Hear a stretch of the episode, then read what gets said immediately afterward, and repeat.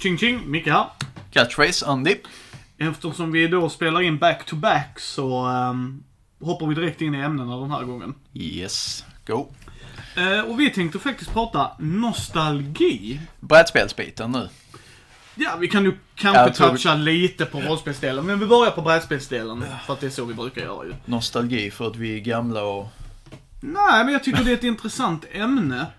Drakborgen ska till exempel komma från Fandrake, där de, eh, vad jag förstått, ska hålla originalet så likt som möjligt som den Dan Glimme gjorde. Eh, och company, för det var inte bara Dan. Mm, och jag personligen kommer inte backa det, det är för att jag inte tror att de kommer göra ett bra jobb. Det är bara för att jag har ingen som helst relation till den produkten överhuvudtaget. Nej, jag kan ju säga det här att det spelades en hel del eh, Drakborgen när jag var liten. Ja. Får jag väl säga. Men jag känner ändå inte att jag har... Visst, det är nostalgi i det, men jag känner för, för egen del är inte nostalgin till det spelet så pass stor att det motiverar mig att skaffa, skaffa en kopia till. Då finns det andra spel jag hellre gör det med. Ja, och jag, jag vill inte att, ni ska inte tro att jag påar på dem, för det köper jag. Alltså har du nostalgi till det så förstår jag att du köper det. Och Och även om ni inte har nostalgi till det, har ni inte spelat ett Drakborgen-spel överhuvudtaget? Plocka ut, det är säkert, jag- lovar att minst en av era kompisar har en kopia någonstans av någon av utgåvorna, så testa det en kväll. Ja, eh, jag, jag bara personligen känner ingen dragning till det. Och som sagt, det här, här handlar inte om vad folk gör fel, utan jag tycker bara det är ett fascinerande grej. Jag har ju ämnen, teman, saker som jag gillar i spel. Jag älskar Batman. Alla som känner mig privat vet att jag alltså verkligen älskar Batman. No, no, no, no, no, no, Ja. no, no. Men liksom, alltså att de vet verkligen att, nej men Micke gillar Batman. Och jag kan gå all in på ett spel bara för att det är Batman. Absolut. Innan han vet om det är någonting att ha eller inte. Precis. För det är Batman. Precis, det är Batman. Och, jag, och sådär. Och jag tror många gör det med nostalgi också.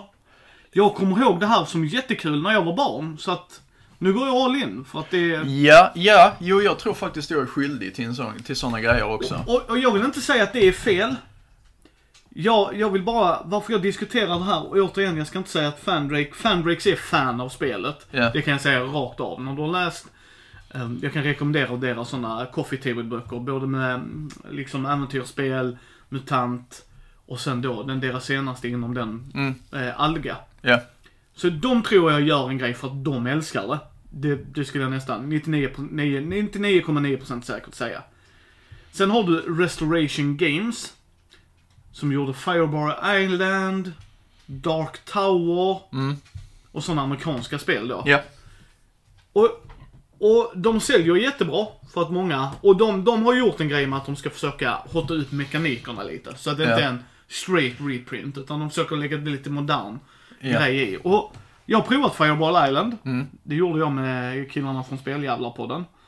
Kommer aldrig spela det igen. Jag har ingen nostalgikoppling till det alls och det var ett sjukt dåligt spel. Nu är jag ju tung Eurogamer och det var ju inte ett tung Eurogame-spel. Och det var inte speciellt tematiskt, det var rätt mycket lock of the draw tyckte vi, alltså så här, men vi är inte tagit Audience. Och jag köper det. Men då är min fråga. Om jag gör en produkt, gör jag för att det är nostalgi, om jag skulle göra ett sånt spel, och sälja? Är det, är det publiken de vill åt? Är det publiken de vill åt, nu har vi ett gammalt spel som folk har mycket bra minnen med, nu vill vi åt en ny generationsgrej? Mm. Alltså, gör de det för att de själva älskar produkten? För jag kan säga dig att få gånger har jag tagit något från nostalgigrej. Men det är inte för att jag inte bara, ah, nostalgi är skit. Nej, nej, jag respekterar. Alltså, vi har olika minnen till olika grejer. Här måste jag säga att det, det är ett ganska intressant fenomen nu när du frågar varför. För att man kan observera vissa cykler inom populärkultur och spel är en del av populärkulturen. Du kan titta på filmer till exempel. När jag var liten så kollade man på A-Team på eh, TV3 kvällarna. Och det var bra skit. När jag sen kom upp i eh, den åldern att jag och mina jämnåriga, vi, eh, vi kom in i den åldern att vi arbetade, att vi hamnade i positioner i samhället och vi kunde börja influera. Många av oss kanske började jobba med media och så här. Och kunde börja styra vilka filmer som skulle eventuellt skulle släppas, manus som skulle skrivas och sånt. Och där ser man att många grejer som vi växte upp med fick remakes, typ 20 år senare. Ja. Ofta ganska dåliga sådana. Jag, jag tror, kan det, vara- kan det vara en sån här grej att vi har ett litet rosa skimmer, äh, skimmer kring grejer från vår barndom och så tänker vi, oh vad häftigt det var, vi provar att göra om detta på nytt. Och i så fall så tror jag ju att eh, target audience egentligen är oss själva. Ja men det, det tror jag. Jag tror vissa gör grejer för att de själva vill göra dem. Vi pratar brädspel och rollspel. Jag tror de som gör det. Där är folk som cash-grabbar. Jag ska inte sticka den under stolen med. Men jag tror där är de som gör det för att de har bra minnen. Och vissa spel är bra spel. Men precis som när man ser, jag var ett stort Ninja Turtles-fan när jag växte upp. Ja, Den serien är... kom ju när jag var liten. Ja, liksom. den, är, den är sjukt dålig. Alltså när du ser om den. Alltså den är, man bara, hur hjärndöd var jag som barn? Den IP första filmen, Ja, hallå Casey nej. Jones. Ja, nej, nej, men det är inte, jag pratar inte filmer, jag pratar Ja, animerade jo, jag vet att du Ja. pratar om den ja. Och Men liksom- serietidningarna. Det- Ja, och serietidningarna är ju helt annat jämfört Mm. med dem ju. Men det är ju det som är så intressant, att när man går in och köper en grej och gör en sak. Jag menar om du tar Kult. Ja. Det är ju nostalgi för dig. Ja, Det- absolut. alltså jag förnekar inte Nej. det. Eh, om man kan säga att det är nostalgi kring någonting som man aldrig har släppt. I mina ögon så är nostalgi någonting som man minns. Ja, okej, okej. Nej, Det är en definitionsfråga. Eh, Nej, alltså det är definitivt nostalgi Micke, du har rätt. Nej, så, så kan jag säga det. Du, du spelar ju fortfarande Kult och kommer fortsätta spela Kult, så sure. Men det är fortfarande av... Jag skulle säga det är semi semi där. Du gör ju det av nostalgi själv. Du gillar ju fortfarande Kult. Sen är ju Kult fortfarande bra. Det, det gör ju inte saken sämre. Alltså det är inskrivet i mitt vita kuvert att jag ska kremeras med första utgåvan. ja, men typ. Nej, men liksom så det, det kör... typ? Men det, det är liksom nostalgi där. Jag menar, jag har ju nostalgi. Jag backade ju Animated Show. Ja. Batman. Och det var Batman. Eh, Det var liksom inget, inget snack om den grejen. Det var Batman. Så. Animerade showen har jag ju nostalgi till. Då min pissiga utväxt, den få gånger jag var väldigt trygg och säker. Det var hemma hos min mormor. Och på lördagsmorgonen på kanal 5 gick Batman Animated Show. Ja. Så att det var bara, jag ska ha det. Ja. Det är sådär. Och det var nostalgi till tv-serien mer än spel. Sen har jag provat Ja. den spelmekaniken eh, och tänkte, ja men det här kommer nog funka ändå. Men, men jag hade nog gått all in just bara, det är Batman Animated Show. Boom, det ska jag ha. Och jag kan förstå att man gör det, men jag tror, här är problemet jag har med det när folk, stora penseldrag gott folk, jag förstår det. När folk pratar om det på BGG, du vet när de listar det. Ja, jag minns det som att det var bra. Ja.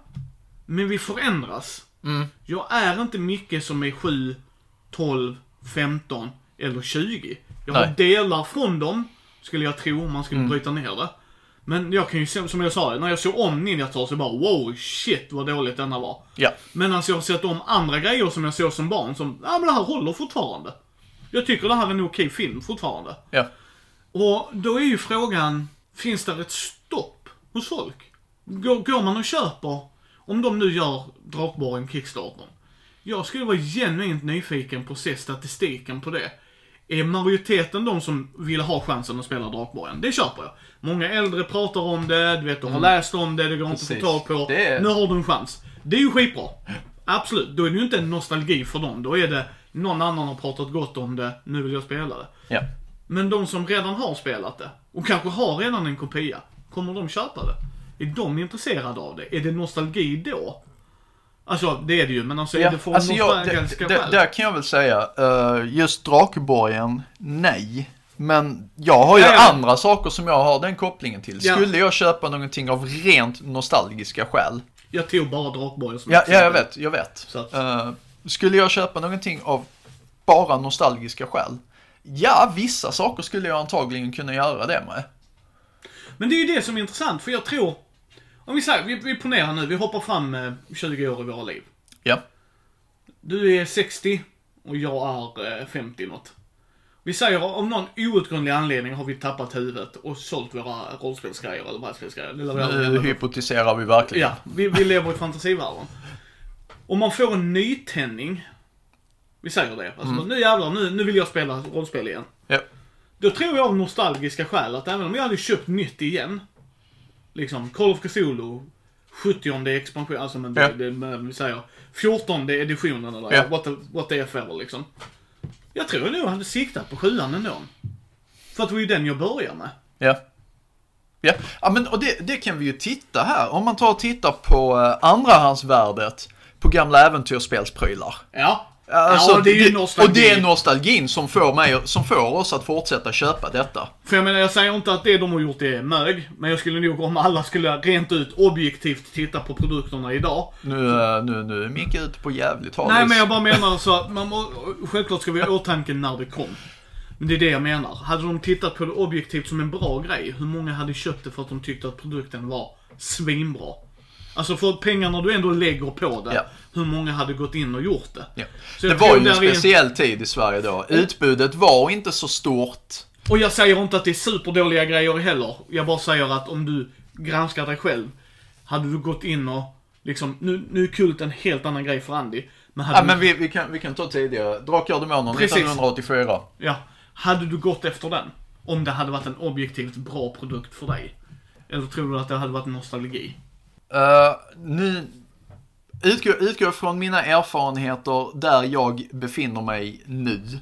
eh, så mycket som jag har spelat. eh, mer än 75% av livet nu. Ja. Så skulle jag, för mig, med 30 års erfarenhet, är det ett, ett bra spel. Det är ett okej spel. Det är det. Men det är bättre för en nybörjare. Det är bättre för en 13-åring eh, än vad det är för en vuxen man. Ja, alltså. Jag älskar det äventyrsspel har gjort ju, så jag ska aldrig ta det ifrån er som växte upp med det och sådana grejer. Jag all heder till er.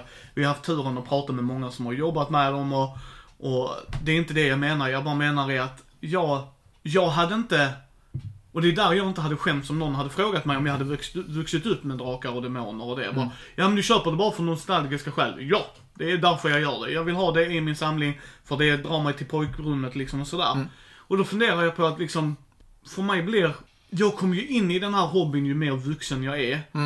Så för mig, jag har ingen nostalgi knutna till de grejerna. Det är Nej. IP. Alltså, jag kan ha spelat ett bra brädspel, tycker att det här är ett jättebra brädspel. Ja. Men jag kommer inte bränna så och så mycket av nostalgiska skäl. Utan då är det för att jag vill spela spelet just Ja. nu, därför vill jag ha det. Alltså jag kan ju ta ett, eh, ett exempelspel som jag verkligen, verkligen har starka nostalgiska kopplingar till. Det är det gamla Hero Quest. Ja. Jag har ägt tre kopior av det spelet. Första eh, lekte jag och min lillebror sönder när vi var små. Eh, den andra lånade jag ut eh, och fick aldrig tillbaks.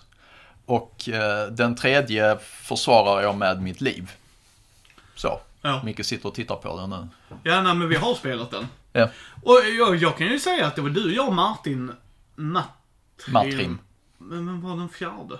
För du var spelledare. Mm. Nej, jag minns inte vem det var. Nej, men vi hade någon till. Pumpa var det Ja. då kanske. Ja, det var någon. Ja. För vi var fyra spelare. Det är inte det bästa Dungeon Crawl jag har spelat ever i mitt liv. För att de, alltså det uppdateras. Det, alltså, Ja, spelar. ja det, det, det Men det var fortfarande ett bra spel. Det är inte så bra som folk drar priser för. Så det hade jag aldrig köpt. Nej, men det, det Men folk betalar för är nostalgin. Precis. Men skulle de säga att för 200 spänn kan du köpa Hero Quest? Ja, det, Varsågod. var, det är liksom 200 spänn, ja. 2 500, nej. Mm. Men det är ju för att jag inte har nostalgin till det. Och det är där jag tycker det blir lite intressant. Jag tycker, min förhoppning är ju att man ska kunna göra bra brädspel. Ta Drakborgen exempelvis. Att de tar ett bra brädspel. De har, om jag har förstått det rätt, jag kan ha missförstått hela den biten. Att de ska göra förbättringar. Vissa Mm. små tweaks. Och det är ju fantastiskt de gör det ju. Precis som Restoration Games har gjort. Mm. Jag, jag, alltså grejen med Fireboy Island var, det, det är inte ett spel för mig. Jag har ingen nostalgikoppling till det. Eh, Dark Tower, när du hade torn i mitten.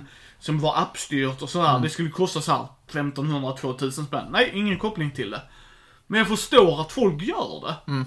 Men det enda jag tycker är synd, det är när folk lägger in nostalgin utan att acknowledge, alltså, eller utan att ta det för det vad det är.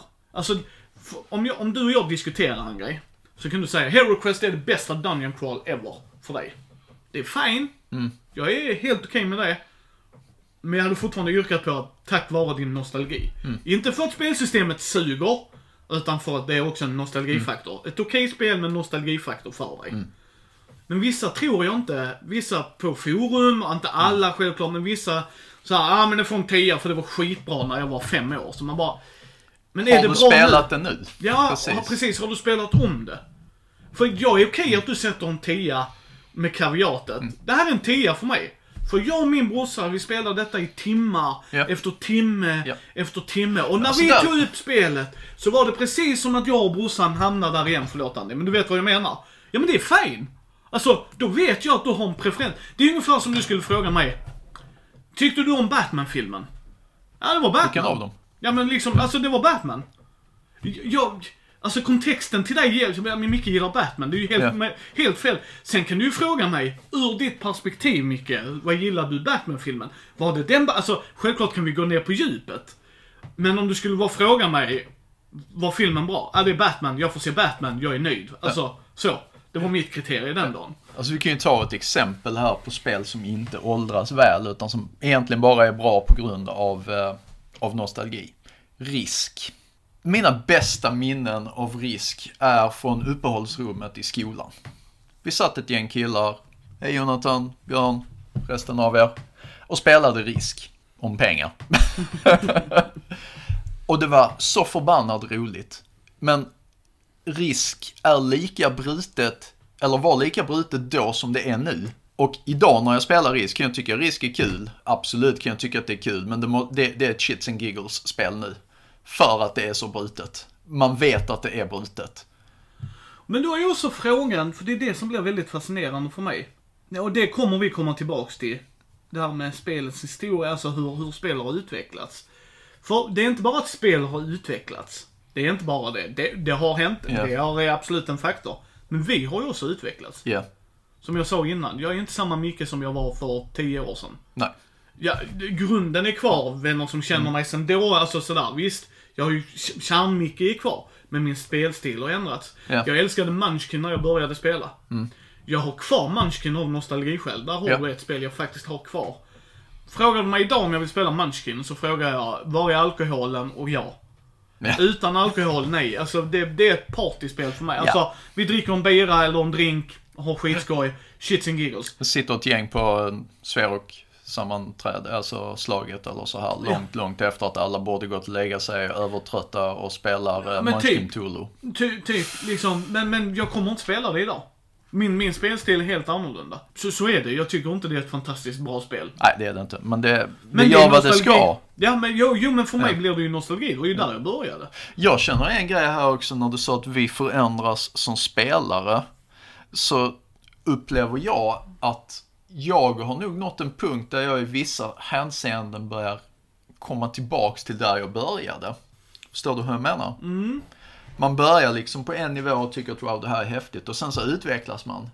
Och man testar grejer och mer avancerade saker och andra saker och så här. Och nu har jag nått en sån punkt att jag börjar känna, jag vet inte, är det ålder eller börjar jag bli bitter gammal gubbe? Jag hoppas verkligen det. Eh, Det skulle vara kul.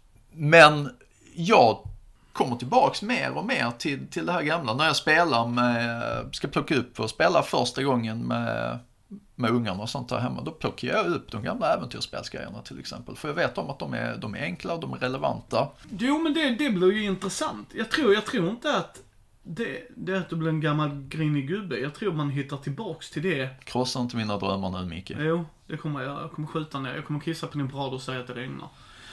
Nej, men jag menar, jag tror, jag tror det. Jag har också hittat tillbaks till vissa grejer.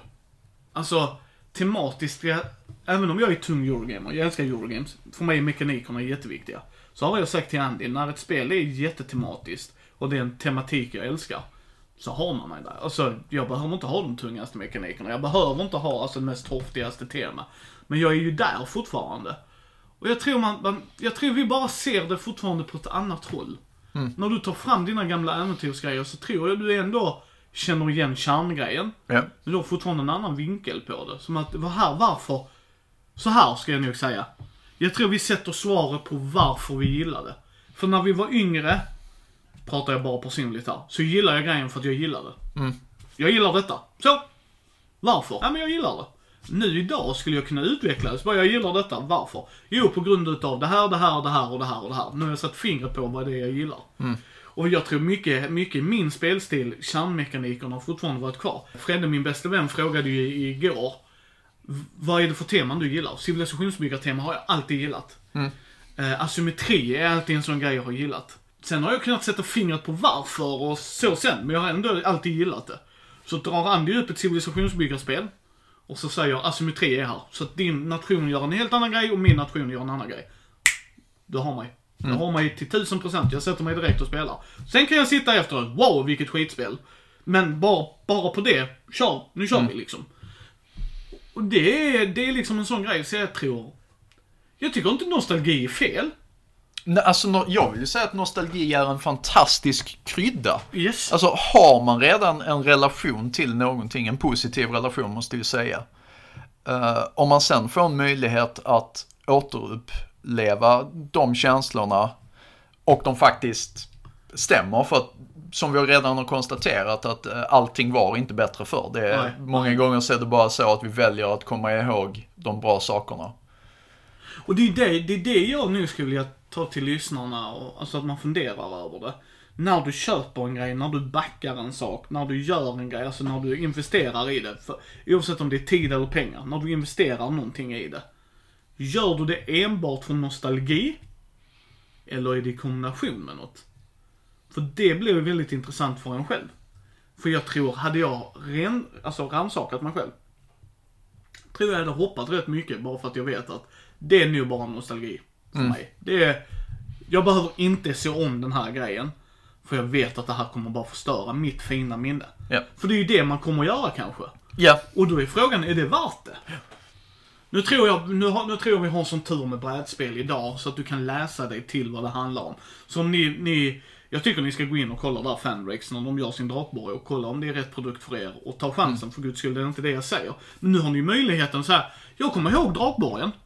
Det lät som ett jättebra spel. Så går du in och tittar och så bara, nej, 2020 så är inte jag den personen som skulle spela drakborgen. Pass! Alltså förstår du att nu har du möjligheten med det. Det hade ju inte ni när ni gick in på leksaksbutiken. nej. Vem, vem, vem hade en video på hur drakar och demoner fungerar? Eller drakborgen och såhär, Drake! Yeah! Ja, nej Alltså, men det var ju liksom- verkligen det här. Det, det fanns ju inte ens någon att prata med för att eh, för de av oss som minns det så 90-talet var, och, alltså 80 och 90-talet var en mörk period för nördar. Ja, internet har hjälpt oss. På Eh, många ja. sätt och vis. Det har det. Nej men det är, det är bara intressant. Jag tror vi behöver nog inte... Har du något mer att tillägga? Alltså jag, eh, jag tror som sagt att det går i, i cykler och att det är beroende på just nostalgi som saker kommer tillbaks på det viset som det gör. Eh, för att, helt kallt Micke, om du fick lov att skapa vilket spel du ville. Så. Va? Jag har inget på rak arm för att, nej. Jag, jag är, jag, jag ser det när jag ser det. Alltså det är det som är grejen att min, min nostalgi ligger i, i, i icke bräd och rollspelsgrejer. Ja, men okej, släpp det. Men vi, vi är inne på det här, om man kan återskapa vad man vill. Alltså Batman Animated Show skulle ju komma tillbaks lika full force. Alltså så är det bara. Det hade jag fått bestämma så hade den kört reruns ända till, alltså, till banden på... Fått en egen eh, kanal. Ja, alltså så är det ju. Så är det ju. Det är en serie jag ser en gång om året fortfarande. Mm. Den ser jag en gång om året. Jag tycker den är lika bra då som Ja. den. Sen, sen i, i bä, inte för att säga att det är så här, men den har ju fått priser och det finns en, det är en bra show, punkt. Mm. Eh, men det är ju en sån grej. Så att jag tycker nostalgi är jättebra. Det enda jag tycker är synd när folk utnyttjar det.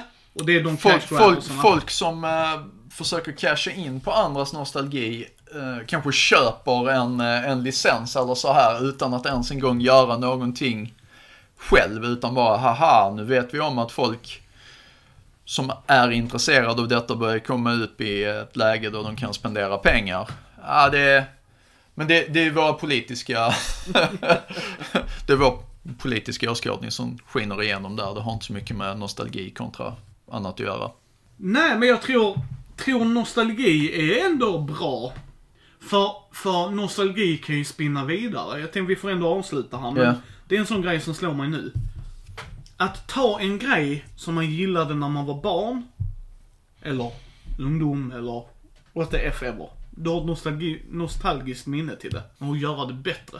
Här är kärnan i vad jag gillade med Bumbibjörnarna. Ja. Exempelvis.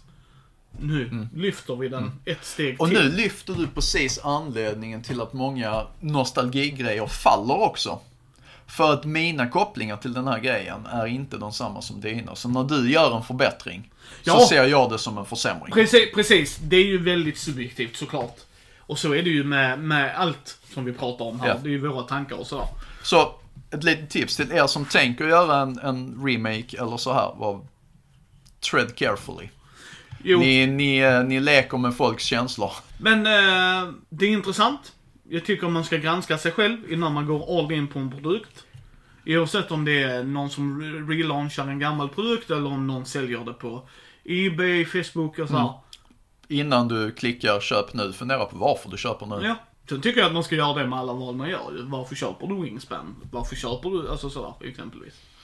Men jag tycker inte det är dåligt. Jag tror vi behöver nostalgi. Är klart vi behöver nostalgi. Det är en av de trevligaste känslorna som finns när den utnyttjas rätt. Eller så. Ja.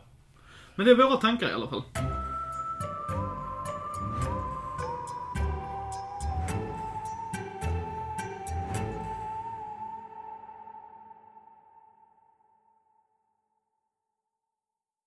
Så, då tänkte vi prata tärningar och inte till brädspel utan till rollspel. För nu är vi på rollspelsdelen mer specifikt. Ja, nu blir vi vidskepliga. Ja, tärningar i rollspel. Ni som har lyssnat på podden innan förstår att jag och Andy använder tärningar så lite som möjligt. Vi eh, har kommit dit ja. Ja, men jag gillar fortfarande tärningar. Det behövs ett slumpmoment när man, eh, när man spelar för att Ja, det behövs. Alltså antingen i, i stressade situationer, strid, vad, vad det nu det må måste vara. finnas en osäkerhetsfaktor. Men om vi börjar med tärningar i sig då. Jag, min favorit är D12. Jag har alltid gillat D12. Tycker Jag har alltid ansett att D12 är den mest meningslösa tärningen Yes. som finns. För att... Det är därför jag gillar den. Det är därför jag Okej. gillar den. Okej. För den, den, liksom, den är så här, du kan ta två D6or, du kan slå dem och det är bättre odds på dem än att du får det på D12. Jag, ty- jag tycker D12 är så här, den är en sån misfit-tärning. Jag har Det- spelat en massa ehm, Games Workshop-grejer och de kör ju sina jävla T66. Ja, Det är Men- spännande. Men jag, men jag tycker tärningen förhöjer på ett bra sätt när det används rätt. Det är ett överskådligt sätt att se när om saker och ting går väl. Jag tycker inte det ska överanvändas och sådär. Men sen är det ju, ska vi komma ihåg, där är många olika sätt att använda tärningar på i rollspel. Du Får har jag bara säga, du har satt din favorittärning. Ja. What's your least favorite? D4. Min också. Är det av samma anledning? Ja, för det är skitont att trampa på den. Precis, jag har barn. Men ja, förlåt, vad är din favorittärning sa du? Det gjorde jag faktiskt Nej. inte, men jag tycker väldigt mycket om en vanlig T6. Ja, det Man kan göra allt med en T6. Ja. Och då, då kommer vi in på det, vad det är det jag tänkte säga. Vi har olika sätt att använda det, det tärningar på. Vi har skillcheck-baserade tärningar. Vad jag menar det är att du slår ett och så ska få ett plus. Det är så jag vill kalla dem. Ja. Det är inte bara till skillchecks. Men vi ska slå ett gäng tärningar. Eller vi slår en tärning. Det är 20 oftast, inte alltid. Inte alltid. D100 är också rätt vanligt. Och sen ska vi kolla. I D100-system är det oftast eh, lika med eller under ett värde. Alltså det är procentsats. Har du 75% är det 75 Slå under 75 för Precis, lyckas, Ja. lika med eller under. I D20-system så har de ett target value. Nu ska jag komma upp i det här värdet för att träffa, göra en grej. Andy gillar inte det systemet tror jag. Jo, jo, jag bara tycker att du har fel, men det har att göra med att du inte har spelat de äldre. Nej, jag, sen vet jag, vet jag det, men jag tänker för många nya. Så Ja, det- ja, ja, ja. Sen har du det precis som Andy säger, att ett helt annat sätt att använda dem på. Eh, Du får gärna ta det som kan det mycket, mycket bättre än vad jag kan. Nej, men det, det är egentligen samma sak som... eh, Det, fin- det finns väl egentligen två sätt att använda enskilda tärningsvärden. Ja. Det är antingen komma över ett värde eller komma under ett värde. Ja. Beroende på vilket system så är det det ena eller det andra Precis. som gäller. Men effekten, resultatet är detsamma i slutändan. Ja. Medan då eh, ny- nyare Dungeons and Dragons är det exemplet jag använder där. De kör ju stenhårt med att du ska upp till ett värde. Ja. Så har du då fyra i en skill, slår du din D20 och lägger till det. Ja, gamla Drakar och Demoner Så- expert ska man slå under. Ja, men precis, precis. Eh, Jag har inte spelat dem så mycket, men ja. Sen har du ju poolbyggarsystem. Poolbyggarsystem är att du tar ett bunte tärningar och sen där är viss, vissa fungerar jätteolika, men om vi tar MUTANT år 0 som ändå är en rätt stor motor. Ja. Då ska du få varje sexa en lyckad. Minst Ja. en sexa beroende på hur svårt du gör det. Annat poolbyggarsystem där, gamla White Wolf-systemet. Yes, där man har eh, beroende på ens färdighetsvärden och Ja. grundstats har du ett visst antal tärningar och sen Och så, så- sätter spelledaren en Svårighetsgrad. svårighetsgrad och det är target value. Jag kan säga dig att, och sen, och sen har du massa däremellan. Du har eh, feat-tärningar som har plus och minus på sig. Mm. Som cancelar ut varandra med blanka sidor och sådana grejer. Ja. Så att du har, OB-tärningar. Ja, och du har eh, tärningar, du har ett system där du slår två D6 och lägger in ett värde. Det är samma som de andra, men du, du har Mm. Ja. specifikt flera tärningar bara. Ja. Jag gillar poolbyggarsystem väldigt mycket. Det är väldigt nybörjarvänligt har jag märkt. Du har en grundegenskap, så många tärningar får du det. Mm. Och du har en färdighet. Kolla på färdigheten så brukar grundegenskapen stå där. Till Mm. exempel eh, liksom kyla med, med att sikta. Alltså sådär. Tar du de tärningarna, räkna alla sexor. Så. Det, det är övergripligt, lätt att komma in i, sexorna Ja. räknas. Nu är Micke gammal orkspelare, så tro mig, Micke hittar sexorna rätt snabbt. Och där träffar jag, yes! Det var en på mina 324 tärningar, nice! Ja. Nej men det, det, det föredrar jag. Sen har du ju Skrönt har en annan idé.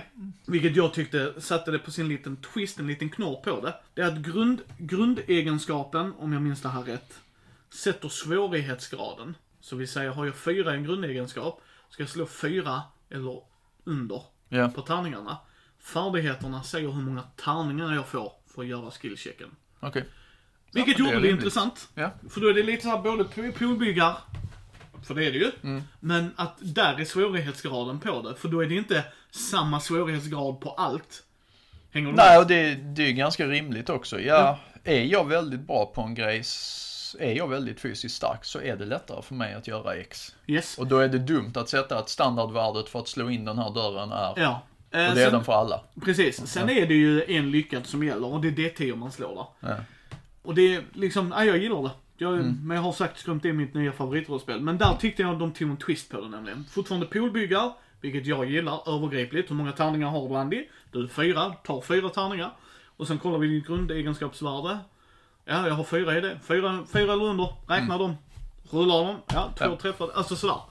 Det gillar jag. Jag tänkte på anledningen till att vi kom in på det här ämnet lite grann var för att eh, vi pratar Fantasy Flight och specialtärningar. Där kommer det ja, precis. Och sen har vi spel med specialtärningar. I hate it. Fantasy Flight har det. Sen kan vi kalla att fudge-tärningar är specialtärningar. Ja, det är det. För det är det. Det är blanka, det är alltså... Ja. Du har plus på en sida sådär. Men de kan du omarbeta på ett helt annat sätt. För det är bara att titta på hur en fudge-tärning ser ut, eller så här, som de kallar. För det är bara att titta, där är två blanka sidor. Jag säger att ett och två år är blanka då. Tre och fyra år är plus. Fem och sex år är minus, eller tvärtom. Ni- Det kan man styra rätt så mycket själv. Ja. Medan i Fantasy Flights är det D8, D6, D8, D12. Ja, det är så de har det. Och så med udda symboler på Yes. i eh, olika kom... De har en conversion i sin bok, som du kan se om Mm. du inte vill köpa dem. Lycka till med det kan jag säga. För, för det första så är systemet så att du ska eh, två grejer mot varandra, så den ena tar ut den andra. Mm. Bara det, när du är nybörjare med systemet, är övergripligt svårt. För att nu ska jag kolla, vad cancelar vad? Ja. Ta det då med, okej nu ska vi se, 12 är en sån symbol, den symbolen cancelar trean. Alltså hänger du med? Hela den, snacka om att klogga spelet. Och varför jag inte gillar det, personligen, så ska Andy försvara varför han inte gillar det. Det är för att, det är inte att tärningarna, för de är inte superdyra. Det är inte det jag har problemet med. Jag tycker de är ändå relativt prisrimliga. Det är att de slutar göra dem. Så om jag köper boken, det här är ett jätteroligt system. Så kanske jag inte får tag på tärningarna. Och då sitter jag med ett dött rollspel. Och det är det jag kan irritera mig på. Förstår du lite hur jag Ja, jag förstår absolut hur du tänker. Det är helt klart en, en valid åsikt. För mig så har det att göra med att om vi nu har T6, eh, T8 och T12 och det vi väljer att göra är att sätta in lite nya specialsymboler på dem. Så känns det helt onödigt. Jag, jag är inte speldesigner, påstår jag inte. Men som sagt, jag har hållit på med den här hobbyn sjukt länge. Jag har spelat löjligt många olika system. Hyfsat insatt i löjligt många olika system. Jag tycker mig ändå se vad som behövs och inte behövs. Jag kan säga i, i Fantasy Flights försvar där med Star Wars. Det har en mekanisk grej. Jag förstår varför de gör det egentligen. Det enda jag önskar är att de då ska fortsätta supporta tärningarna livet ut. Alltså, Ja, det känns ju självklart. Sen är jag lite grann sån här också. Fan- Fantasy Flight är bra på jag har inte gett mig så mycket på deras rollspel, särskilt inte senaste tiden. Uh, är väldigt bra på uh, släppa lösa böcker, släppa lösa böcker, släppa lösa böcker, köp tärningar för sig, köp tärningar för, för sig, bla bla bla bla bla. Jag anser att alla här kommer min personliga åsikt in. Jag anser att boxar är bra skit. Allting ska gå att köpa i en startbox. Där ska finnas tärningar, det ska det finnas rollformulär, det ska finnas alla böcker som behövs. ah, de- har sina starterboxar och de är inte som när du växte upp ju. Det har vi pratat om innan ju. De nya ser lite annorlunda ut. Bah, humbug. Ja, men, men du får ju tärningarna där i. Och jag, och, jag, och jag gillar de här tärningarna i, i eh, Star Wars. Alltså jag tycker de fyller en funktion. Ja, men, Problemet jag har bara är, när jag skulle köpa in mig, nu hade jag världens tur att jag, fasiken, min gamla kompis Marcus Olsson, eh, han har eh, de böckerna. Så jag hörde av mig till honom, bara du har du lite Star Wars FFG som du vill sälja? Eh, rollspel då? Han bara, ja, jo. Ja, så kom vi över en summa där. Han hade sex tärningssätt. Ja. Det löste ju mitt problem rätt hårt. Och då bara satt jag, så sa jag det att jag har köpt grundböckerna. För jag köpte dem från eh, SF-bok, liksom sådär. Så jag köpte Age of Rebellion, eh, nej, Age of Rebellion ja. Och eh, Age of Empires. Age of the Empires då. Så köpte jag grundböckerna från honom också. Han sa det liksom, nej men ska du verkligen det om du redan har dem? Så sa jag, du, du kan inte sälja de här utan tärningar. Det går inte.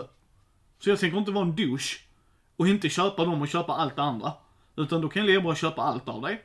Och sen, sen sålde jag av böckerna till två polare som också ville ha dem. Så, Som hade, hade andra grejerna. Och sen sålde jag ett tärningssätt till en kompis. Så han fick så att han kunde åtminstone spela den versionen. Men det är det, det, är det jag märkte liksom att, för jag sa det till jag tar dem. För jag tänker inte vara en douche McDouche. Utan då har jag två uppsättningar. Vilket inte gör något i det fallet för då kan Andy ändå använda den för att göra karaktär, jada jada jada. Men det är inte billiga böcker. De kostar runt 600 spänn. ja. De är fullsmockade, så du får Ja. mycket ord för pengarna som jag Så har vi sagt. pratar, alltså det, det är en diskussion vi har haft tidigare. Precis, men då- då- Pris, men Men det jag kan tycka där är att så länge de supportar det och jag kan köpa de tärningarna för 150 spänn om 20 år. Så hade jag varit nöjd med det. Men det är inte realiteten. De Nej. kommer inte fortsätta göra dem. Och, och jag förstår egentligen varför, jag är ju inte dum. De kan ju inte, alltså rent kostnadsmässigt sett kan de inte sitta ett lager liksom varje år. Det fattar jag, men för mig blir det då som rollspelare att, oh jag hittar det här systemet. Ja. Ja, men hans polare hade tärningarna så han har bara grundboken, så han säljer den, så han spelar ju inte längre med sin kompis. nej. Lycka till. För då ska du jaga de tärningarna. Och vad vi samlare brukar göra när det går out of print, är ju inte att göra det så billigt som möjligt. Du kan ha världens tur dock och hitta någon som jag som har, ja jag har tio uppsättningar. Du kan få köpa en uppsättning här för en hundring liksom. Absolut, du kan ha världens tur. Men räkna inte med det. Nej, och det, det är liksom som sagt, det är ett problem med uh, novelty eller special items. Men för mig handlar det fortfarande om att går det verkligen inte att lösa den här mekaniken med, uh, med någonting som redan finns? Varför ska du uppfinna hjulet på nytt? Är det bara för att kunna sälja de här jävla extra tärningarna? Alltså, det är där jag tycker Savage World gör en väldigt intressant grej med sina sådana, eh, du vet hur du gör initiativet till Savage World va? Eh, Du kan göra det med tärningar och sånt också. Eh, Jag har inte läst den nya än, jag har det men jag har inte läst den. Eh, En kortlek, 52 kortslek. Mm. Du kan ju ha special special, coola mönster, precis som allt men det är en 52 kortslek. Mm. Så, den som drar högst, vi har en turordning, liksom rangordning på den. Den går först. Eller om det var lägst eller så här. Men, Mm. Japp. men det är en 52 kortslek. Japp.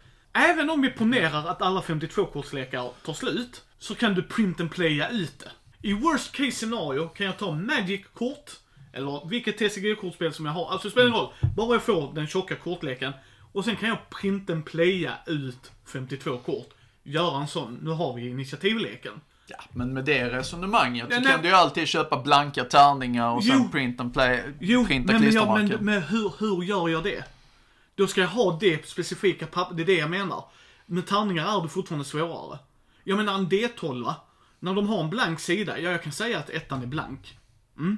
Men i Star Wars-rollspelet har du typ jedi-symbolen, ja det är 12. Men allting däremellan är ju special special-symboler. Ja, Men det blir ju inte, i, i det, det blir ju inte övergripligt. När du rullar tärningarna så vill jag inte att du ska ta 40 minuter på dig och säga vad du fick. Det ska ju gå så Ja, snabbt. men det är ju samma sak där. Då, då köper du en, en T12 med 12 blanka sidor och sen så printar du symbolerna från en pdf Ja, jag ska bara se och lackar dem. Ja, men det ja. Det är ju så GMT till exempel har gjort med en del av sina spel de har varit fattiga och inte velat trycka symbolerna på plasttärningarna. intressant. Undrar om man hade kunnat göra det på ett snyggt sätt. Jag, jag sitter ju här och spelat Memoir 44. Ja, Ja, eh, ja det är där jag har spelat det med. ja precis. Så att ja. Eh, GMT eh, har ju gjort eh, ett par spel på samma mekanik. Command and Colors tror jag de heter. Och de är verkligen budgetspel va. Eh, de är inte billiga men de är budgetspel komponentmässigt. Deras tärningar till exempel, ja det, det är samma sak. Du ska ha de här symbolerna, flaggorna och så. Men istället för att de då skickar tryckta tärningar så skickar de plastkuber eh, och klistermärken. Sätt fast klistermärkena själv på kuben. ja. Så det går, det går ju att göra. Är det, är det jättesnyggt och, och så? Nej, men Nej, det är bara väldigt intressant. Det, man skulle kunna göra det så ja. Men det är fortfarande lättare att göra det med en kortlek. Och Ja, du ja, lär ja, aldrig ja. hamna i en situation med Och jag kortleken. måste ju säga det här, kortleken är en jättebra slumpgenerator. Varför måste man ha tärningar? Det finns andra sätt att slumpa. Ja, det skulle jag vilja se i fler rollspel. Nu finns det säkert många rollspel. Jag ska faktiskt googla det. För jag blev fascinerad av det, jag bara, för det är ett smidigt sätt. Nu diggar jag till exempel, du har Dread, rollspelet, Mm. som använder ett Jenga-torn. Ja, jo du har sagt det. Ja. Och ett Jenga-torn kan du ju i princip, okej, det krävs snickeri och sådär, men du skulle kunna göra det. Nu tror inte jag Jenga någonsin kommer sälja slut för att det är ett sånt gammalt spel och det håller sig så här. Så, här. så det bekymret lär man nog inte ha. Men jag tycker det ändå är väldigt intressant. Var drar man gränsen? Jag gillar tärningar i spel ju. Men slump, alltså när, när du har specialtärningar, det enda jag, jag ställer mig emot, det är om tärningarna inte har, alltså gör spelet mer förvirrat. Alltså i Star Wars blir det en koppling till det. Okej, fine. Det kan jag se. Och sen blir det övergripligt och sådär. Det tråkiga är bara att du behöver tärningar för att spela spelet. Ni säljer böckerna i Sverige, du kan få tag på dem på vissa ställen. Men var är tärningarna? Folket kan inte spela spelet utan tärningarna. Och då blir det, för mig blir det så här, ah, det är en död produkt i hyllan. Liksom. Nu har jag ju tärn... Eh, eh, nu köpte jag... Nu har jag två grund, tre grundboxar till som kommer, så jag kommer ha tärningar från dem. Och då kommer jag ha åtta tärningsset. Så jag är safe. Jag är fullt medveten om det. Men jag har också investerat i det. Och då är frågan... Ja, och, och här är också en annan grej jag kan störa mig på det. Eh, specialtärningar faktiskt. Vanliga tärningar kan du och jag gå och köpa. Ja. Och eh, du har bra såna fina sätt. Jag har mina regnbågsfärgade som jag tycker är assnygga. Och den kan jag ta med hit. Och du säger att det är ett poolbyggarsystem. Så ja, då har man ju oftast mer så här, jag har mer än ett tärningssätt. Frågar du, ja, frågar, frågar du min fru har jag för många. Så därför frågar de inte min fru. Men liksom jag har många tärningssätt. Man mäter inte i tärningssätt, man mäter i kilon. Precis. Men, men jag menar, vi säger att jag har fyra tärningssätt. Så det kan jag ändå tycka att man tycker är lite rimligt så här. Då, då har jag ändå till en lagom pool D6 och lagom pool D10 och sådär. Fyra set minimum, det vill säga två stycken standarduppsättningar, 4 till 100, en T6-kub och en T10-kub. Ja, ja. Nej men det vanligt för oss är ju D12, D4, D6, D100, D10, D20. Och sen har jag glömt någon där inne. 4, 6, 8, 10, Och så D8. 12, Ja. 20, 100. Ja. Så du har liksom där. Så har man det så brukar man klara sig. Oavsett mer eller mindre. Där är absolut där är ett undantag till det här. Men majoriteten av rollspel. Vi får ta det, den stora Ja. massan av rollspel. Har jag de fyra tärningssätten, går och sätter mig ner vid bordet med Andy, så kommer jag kunna spela spelet. Utan att behöva låna någonting av honom. I princip. Mm. Sådär. Ett specialgjort tärningssystem gör att jag antingen A. måste köpa det själv. Eller B. låna Andys. Då har Andy ett problem. Han har kanske fem spelare i gruppen. Ja, och bara ett tärningssätt. Så nu måste vi skicka emellan och det här tar mycket dödtid för att nu ska han slå sina tärningar, du ska slå dina tärningar, sen ska han, alltså det är bara Det är värdelöst. dödtid som bara försvinner. Det är en sån grej som kan störa mig. Därför ville jag ha många tärningssätt. Så när han sa i det paketet, jag har fyra, fyra, eh, tre eller fyra tärningssätt. Han hade sex stycken. Tack så mycket. Så att det var bara att tacka och ta emot. Så att, ja. Jag tycker inte allting behöver handla om tärningar. Det är som Andy säger, jag skulle vilja se mer... Undrar undra hur ett tokensystem, Andy, hade funkat. Påse. Ja, men alltså det, vilken slumpgenerator som helst Ja, går ju att absolut, applicera. Absolut, men jag bara tänkte, jag har inte sett det. Det finns säkert. Och, och, alltså nu får jag så jä... Jag är inte speldesigner, men jag får så många sinnessjukt jobbiga idéer för folk nu. Tänk dig, tänk dig ett tokenset. Fem, fem olika symboler, Ja. till exempel. Du har eh, fem av varje. Ja. i en stor påse. För att lyckas, säg att din färdighetsvärde är 8. Du ska dra 8 tokens. Och beroende på vilka tokens du drar så händer ditten eller datten. Säg att du drar för många fummel-tokens så fumlar du. Nej, nej shit, nej nu bara... Nu Ja men det jag- hade varit intressant, alltså just bara den. Oh, Mm. oh, oh, oh, oh. Spänningen, den spänningen hade jag tror var mycket intressantare. Okej, nu ska vi se här. Spelledaren lägger in, åh oh shit, han lägger in dem. Okej, jag lägger i det här. oh. Ja, det hade jag velat se. Jag måste googla det också. Kortdrivna spel, rollspel och tokendrivna rollspel. Ja, annars får vi sätta oss och göra lite tokens hemma och testa. Ja. Men vad är era tankar om tärningar? Gillar ni specialgjorda tärningar? Vad, vad är er favorit? Alltså är det, som Andy säger, slå lika med eller under, eller alltså de systemen, alltså ett tärning, en tärning som används till en grej. Gillar ni poolsystem? Vad är era tankar?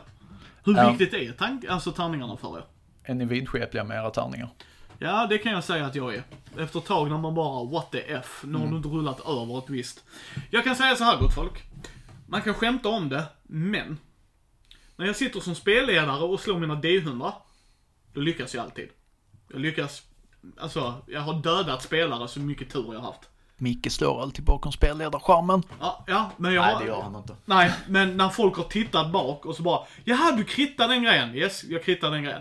När Micke som sitter som spelare med sina D100 så vill Micke slänga dem i väggen. För då bara, okej. nu har Micke 75 i det här. 85, 95, 96. Man bara, wow va? Vad, hmm. Så Micke är vidskeplig på det sättet. Så Micke har inte suttit och lärt sig vilka sätt som slår högt och vilka sätt som slår Och lågt. kan du komma ihåg när man körde 40K? Japp. Sexor? Nej, de behåller vi. Nej, de kan vi inte behålla. För uppenbarligen har de stått klart, så tar vi alla låga istället. Nej, Jag äh, höll ju på när posten, en gång 90-talet, när posten skickade ut äh, de här gratis Yatzy-spelen med de superojämna Yatzy-tärningarna. Det fanns extremt många sådana på vår förening. Ja, nej. Så vad tycker ni gott folk? Tärningar, viktigt, mindre viktigt. Specialtärningar, Ja, yay or nej. mm, precis. Så ja, då är det lite anekdoter Andy. Ja, får jag börja? Eller vill du? Ja, jag kan gärna börja.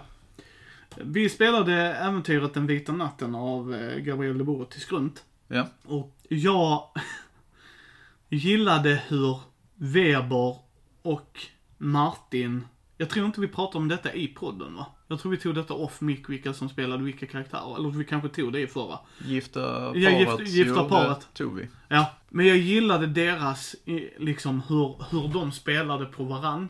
Och nu ska vi komma ihåg att de har spelat väldigt många år tillsammans. Det var typ så här när vi hade spelat klart Star Wars, så säger... Eh, Okej, vad ska ni spela? Hör man folk säga. Ah, Jedi, säger eh, Pumpa. Jedi säger Frykis. Sen hör man eh, Martin, han vill vara pilot liksom. Och så Matti då, jag vill vara en, en, eh, en smugglare liksom. Och sen kommer då Weber. Så här väl känner de varandra. Weber, ah, fighter. Människa. Så hör man Martin från andra sidan rummet. Va? Inte du Weber? Du vill inte spela människa av alla raser i hela Star Wars-universumet? Och spela just fighter, det har jag jättesvårt att se. Det är typ Webers go-to. Jaha, du har sju bapiljoner olika raser. Är människa en av dem? Ja, människa. Jaha, du har sju miljarder olika mm, klasser av fighter. Det blir jättebra. Och det är liksom det så här. Men när de spelade ett gift par så var det sjukt roligt att se hur de interagerar med varandra. Liksom hur Weber, han verkligen gick in för att vara den gifta kvinnan. Ja, så här går det till och så och så. Och jag måste säga, det är nog, alltså där är en sån grej jag älskar med rollspel. När man ser två karaktärer med två kompisar som går all in. De läser karaktären, går in för det och som bara spelar med varandra. Liksom, alltså att han var, när han gjorde en grej som var dålig, så var det precis som att man såg en cinematisk relation. Så bara, nej nej det ska inte du göra, kvinnan som går in och bestämmer. Liksom så här, det var bara så. Och så hur han, eh, hon kallade på honom, alltså Weber såhär, eh, Johan, kom upp! Han bara, ja, jag står här och blandar drinkar och sådär. Johan, kommer du? Nej, han bara fortsätter blanda drinkar och så. Ja, du hör att hon är på väg ner. Då tar han på sig hörlurarna och sätter igång heavy metal. Som att det är därför han inte har hört att hon skriker. Så att... Och jag bara gillar hur han spelade av varann liksom. Han bara, nu kommer jag för själv, så nu tar jag på mig headsetet. Så har jag inte hört personen skrika. Att så löser vi den här konflikten. Och jag, alltså jag bara tyckte det var så charmigt att se. Alltså, att de bara verkligen, för de var verkligen bara som handen i handsken. Att de har spelat så mycket med varann. Och det bara gick igenom. Det var drama och det var tungt så här, men de hittade ändå guldklimparna i det. Och all heder till dem. Det var sjukt jävla roligt. Det är sånt man kan, man kan uppnå med, med en rätt grupp, en grupp där alla litar på varandra. Yes. Din då Andy? Ja, min. Jag tänkte knyta an till tärningar och vidskeplighet och så här. En gång i tiden när man var fattig, eh, finnig eh, högstadieelev så hade inte alla råd med tärningar utan då hade man tärningarna som följde med i startlådan. Ja. Eh, Och de var spelledarens.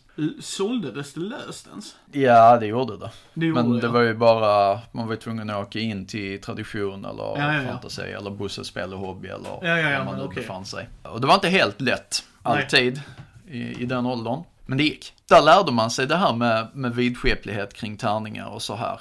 Jag har eh, ett sätt, jag har kvar dem. Jättedåliga T20, dåliga så tillvida att de är svåra att läsa. Det är ett eh, guldspräckligt, alltså riktigt så här glitter, glitter, glitter, glitter. Och ett i silver, glitter, glitter, glitter, glitter. Den ena slog konsekvent över 10. Den andra slår detta innan. konsekvent under 10. Ja, du har berättat detta innan. Det har varit många, många bråk kring spelbordet om just de tärningarna. Och det slutade med att jag som spelledare var tvungen att börja slarva bort dem. Så det, det, det är en grej. Och sen annat om tärningar.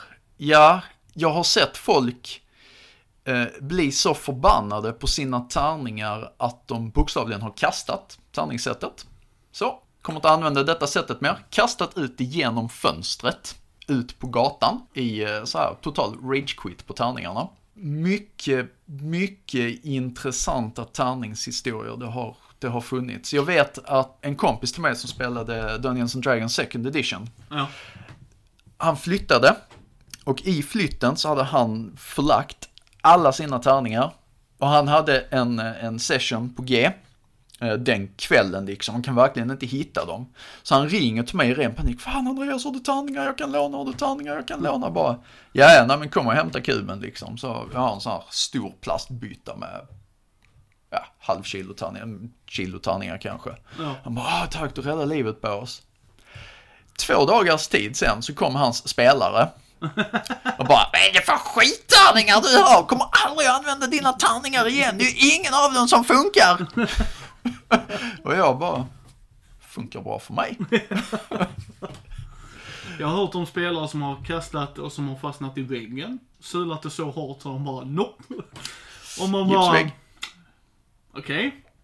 Jag har haft tärningar kastade på mig. Men det, det har varit mer misstag, aldrig så här aktivt. Utan Nej. de har blivit så sura. Sluta, ja, förlåt mig. Så bara, nej, nej, det är lugnt.